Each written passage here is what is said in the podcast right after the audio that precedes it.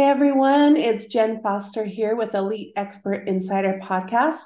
We are really excited to have Jamie Mittelman here with us today. Jamie has a background in media and she has managed over $30 million in media portfolio on behalf of Yahoo, Huffington Post, AOL, and Verizon. And her passion for sports diversity and inclusion inspire her, inspired her to found Flame Bearers. So, Jamie, welcome. Tell us a little more about you and Flame Bearers. We're excited to dive into this. Thanks, Jenn. Excited to be here. So, Flame Bearers is the first storytelling platform that elevates the voices of women Olympians and Paralympians. So, when you look at the sports landscape as a whole, historically, about three to five percent of sports media coverage has gone to women athletes. There's a brand new study um, that shows that numbers up to 15% of sports media going to women athletes. So that still means that, that 85% of coverage goes to male athletes. So what we try to do is we address the quantity issue. So who's being covered, but then also how they're being covered. So we work with women from around the world. We've worked with women from over 70 countries. So, and half of them have physical disabilities, half of them, pretty much all of them are unheard voices. So we do this because we think it's really important that everyone has a story to be told and that we can learn from everyone. Awesome. And so with these stories, you have a podcast and then do you share it on any other platforms like a blog or how else do you share their stories? Great question. So, three verticals. So, we do podcasting, video, and live events. Historically, we focused on podcasting. We have then also started to get into video. So, repurposing our video, our interviews for social media, for YouTube.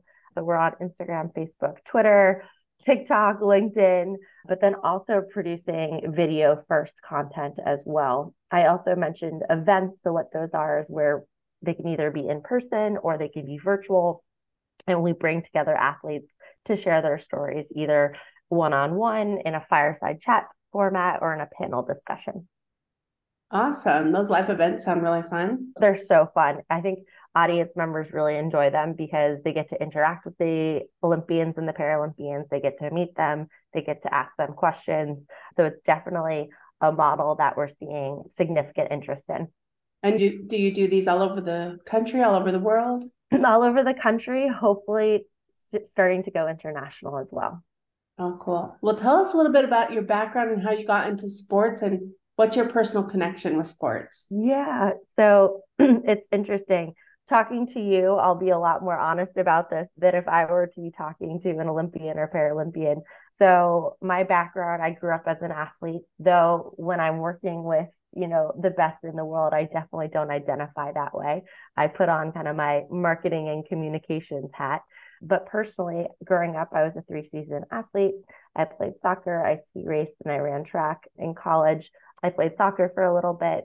And essentially some of my most joyous memories and also some of the hardest lessons that i learned came from sport. And it was a way to bring people together. And some of the bonds i formed with my teammates with my coaches were really lifelong friendships. So for me, sport has really become one of my greatest teachers.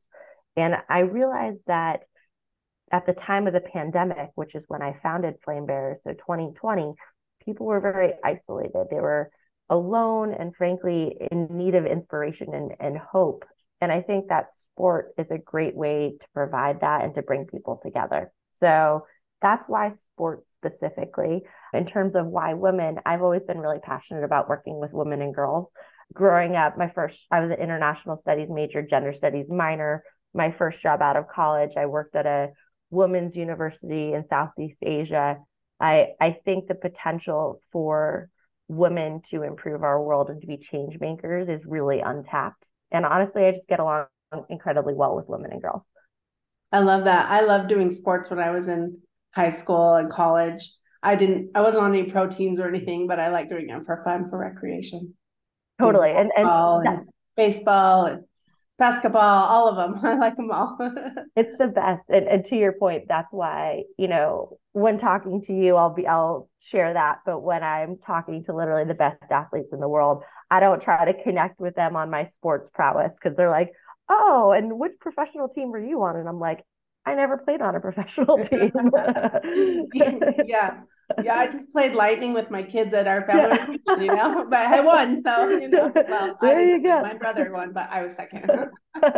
there you go. You showed up, you, you participated. That's what it's about. Exactly. Well, I know a lot of people probably already know the difference between the Olympics and the Paralympics, but tell yep. us a little bit more about that. Yes. So, great question. This is actually commonly confused. So, the Olympics are what everyone kind of knows and thinks about with the Olympic rings. The Paralympics are for athletes with physical disabilities, and which is also different than the Special Olympics, which are cognitive disabilities. So, there's a lot of confusion around the Olympics, what they are and what they're not. The Special Olympics is actually a completely separate entity and separate organization versus the International Olympic and Paralympic Committee works with both the Olympic and the Paralympic Games.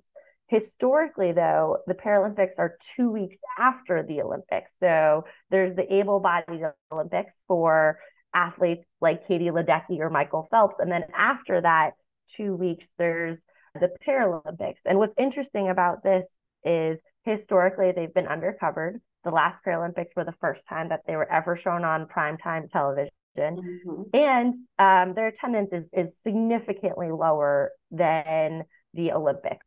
So I just like to raise awareness for clear understanding of what those differences are, but then also how amazing these athletes are. If you're looking for role models and resilience and just incredible people, these athletes are literally top notch. So it's really important to us that half the athletes we work with are Paralympians. And you know, it's interesting. People often ask me, Jamie, where did your interest in working with para athletes come from?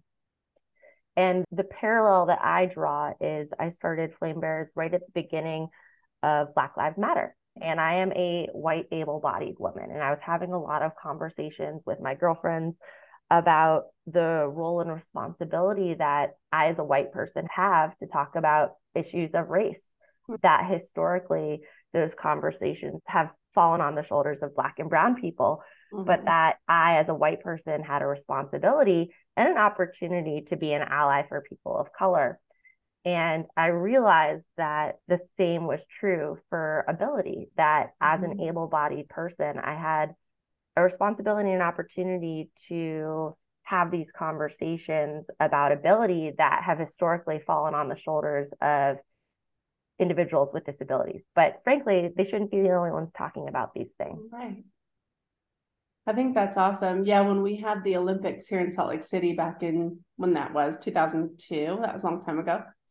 Um, I volunteered, and then my former husband and I went to one of the hockey games for the Paralympics, and I was cool. in awe of these athletes. Like the hockey game is sledge hockey, and if you don't know what that is, they put they're in like a sled and then they're using hockey sticks to pull themselves on the ice so they're using their arms to move just like in a wheelchair but on the ice and they were like amazing they were like better than like the hockey able-bodied hockey players it was awesome and then the craziest part is my former husband's from Canada, so he is wearing his Canadian jersey. Okay. So they chose him to go down on the ice and try it, like at halftime. No way or not halftime, but one of the breaks because there's mm-hmm. you know there's three periods. Mm-hmm. I, I do know hockey kind of, but anyway, he fell over. It was really hard for him. He couldn't even do it. It's but, so hard. And He, he's like a great hockey player, but not sitting on a sled. So it was super hard. Jenn, it's so interesting you say that. That's one of the the misconceptions that so many para athletes raise and they're like i wish that more able-bodied individuals like your husband would just try and play our sport the way we right. play it because people assume that it's going to be easy and it's fine and then they get out there and like oh my goodness this is insane. This is not easy. He couldn't so, even balance and yeah. let alone like try and make a goal you know? So that's really funny. Yeah that's crazy well, tell us some of your favorite guests that you've had on your show for your podcast. This is such a tough question for me. I, I feel like I'm always being asked to choose between my unborn children because I love every mm-hmm. athlete that I work with, literally. Two athletes that I will call out. The first is someone who is probably lesser known here in the US, and then the, the second is more of a household name. So Masuma Alizada is from Afghanistan. She's on the Olympic refugee team. So people are always interested in this because, you know, I didn't know that there was an Olympic refugee team before I started working with her. So they work with individuals from war torn countries like Iraq, Syria. She's from Afghanistan. And, and Masuma grew up in, in Kabul and she's a cyclist. And she talks about how when she was in Kabul, how she would have to dress up as a man and that a male rider would have to go in front of her and behind her. And then she'd have to be escorted by a truck in order to just go out to practice riding her bike. Wow. And I think and then when cars would pass her, if they realized she was a woman, they would yell at her or throw stuff at her or even sometimes hit her. And I think what is so striking about Masuma's story is the fact that she kept at this in the face of all of these horrible attacks on her. And she literally rose in the ranks of cycling globally to now be one of the best in the world but then also how she's used her platform to elevate voices of other Afghan women. So she's really become a symbol of, of hope and light for many Afghan women who are still in the country. She now lives in France because she had to flee when the Taliban came in because they actually targeted her and her family.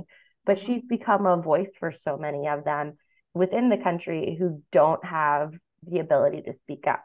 So I think she's an incredible example of one individual who is not given the the airtime or um, the amount of credit that I think she deserves. Yeah. Another individual, very different but equally impressive, Sue Bird. Sue is more of a household name here in the US. She's kind of known as the goat of basketball. What I loved about working with Sue was getting to know her as an individual. So hearing about what she's passionate about and what makes wakes her up in the morning. A lot of people you know, she's considered the best in the world. But I asked her, Sue, what's your why? What gets you up in the morning? And she said, it's my nieces. It's this generation of girls who are growing up with female role models they can look up to in sports and say, I can do that because my aunt is a professional basketball player. So that was just a really helpful reminder to me that the current generation is serving as role models for all the young girls and, and boys out there who to to see that if you can see it, you can become it. So that was really cool to hear. I love that. I love that you focus in on the diversity and the broad range of different athletes and not just like just basketball or just cycling. Like I like how you do focus on all women. Yeah. Well, you know, it's, it's interesting. I think we're at, at a turning point in women's sports where we have an opportunity to get this right. We have an opportunity to support women of from all backgrounds. And I think it's really important that we elevate everyone together and it's not just women from certain countries in popular sports, but really that we tell all of their stories. So thank you for saying that. Yeah. So how do you overcome like the language barrier when you're with all these international athletes? yeah, it's so hard. So we use translators. So it's important to us that if an athlete doesn't feel comfortable in English, which, hey, I only speak English and I have some Spanish, but it's important to us that when we're spotlighting them, they tell their stories how they want it told. If they want to speak in another language, we'll get an, an interpreter and a translator to join the call with us. From an outreach perspective, it is a little challenging because Sometimes I don't know to re- which language I should reach out in, who to reach out to, the athlete or their agent. So that has been challenging. But I found that as we have grown, athletes are actually helping us facilitate those introductions. So we've been really lucky in the sense where, you know, our goal is to produce their favorite pieces on them ever done. So at the end of the day, if you know, Masuma was really happy with her piece. So she connected us to her friend who also, you know, is from Afghanistan, and then we worked with her. So, you know, the, the athlete network has helping us get around some of the language barriers because of our good relationships. That's really good. Word of mouth is always good. Referrals and word of mouth. Right. Exactly. That's awesome. So, what difference do you feel like you're, or what kind of impact do you feel like you're making on the world with your flame bearers? Yeah. So, I think I, the way I like to answer this is in two parts. So the first is on the individuals we work with themselves. So the athletes themselves. Mansi Joshi, who is the para badminton world champion, she's from India. She mentioned that after hearing a lot of stories through our work, she realized she had more similarities and more things in common with athletes who play different sports and are from different countries around the world. So she started to see relationships and connections to athletes who she previously didn't think she had commonalities with. That mm-hmm. was really cool. To our community members who are not athletes and who are who are not Olympians and Paralympians, we've had dozens, hundreds of people reach out saying, you know, thank you for telling these stories. I never felt seen or heard as a, you know, as a girl, as a young woman. I didn't have role models who I could look up to who looked and sounded like me. So thank you for telling these stories. I've had moms reach out saying, I like to share these stories with my sons so they know how strong women can be and what the range of women are who look like. So lots of feedback from lots of different parts of the spectrum. I love that. I love that you're making such a big impact on the world. Do you have anything else you want to share with our audience today about flame bearers? I would just say if you're a woman or a girl and you participate in sport at any level, and that could be playing with your children, we would love to hear from you. We, you know, yes, we work with women at the highest level of sport, but really at our base, we're a community of women change makers who use sport as a conduit to talk about issues that impact everyone. So it could be motherhood, it could be racial justice, it could be pay disparity. And that's really what we focus on. We don't focus on, you know, what was the score of the game, who won, but really the issues of the individual wearing the jerseys. So I would say if anything of what I've shared today resonates, we would love to to have you in our community. Follow us on social media, Flame Bearers, and you can reach out if you want to work with us in any capacity. Flamebearers.com. We have a collaborate page. Awesome. We'll put that up in the show notes. Everyone okay. can go to flamebearers.com and check them out on podcast on what Apple Podcast, Spotify, wherever you listen to podcasts. You're there. You nailed it. Exactly. All right. Great. Well, thanks for listening today. Hope you guys have a great day. And if you'd like to publish a book or want to share your story with a book, contact us at eliteonlinepublishing.com. Talk to you soon. Hey, are you looking to increase your revenue, build credibility, and elevate your brand? This podcast is brought to you by Elite Online Publishing, an innovative publishing and full spectrum marketing company. They will publish and market your book to make it a number one bestseller. Becoming an author is the best way to market your business. So contact them at eliteonlinepublishing.com today. All of their authors become number one bestsellers.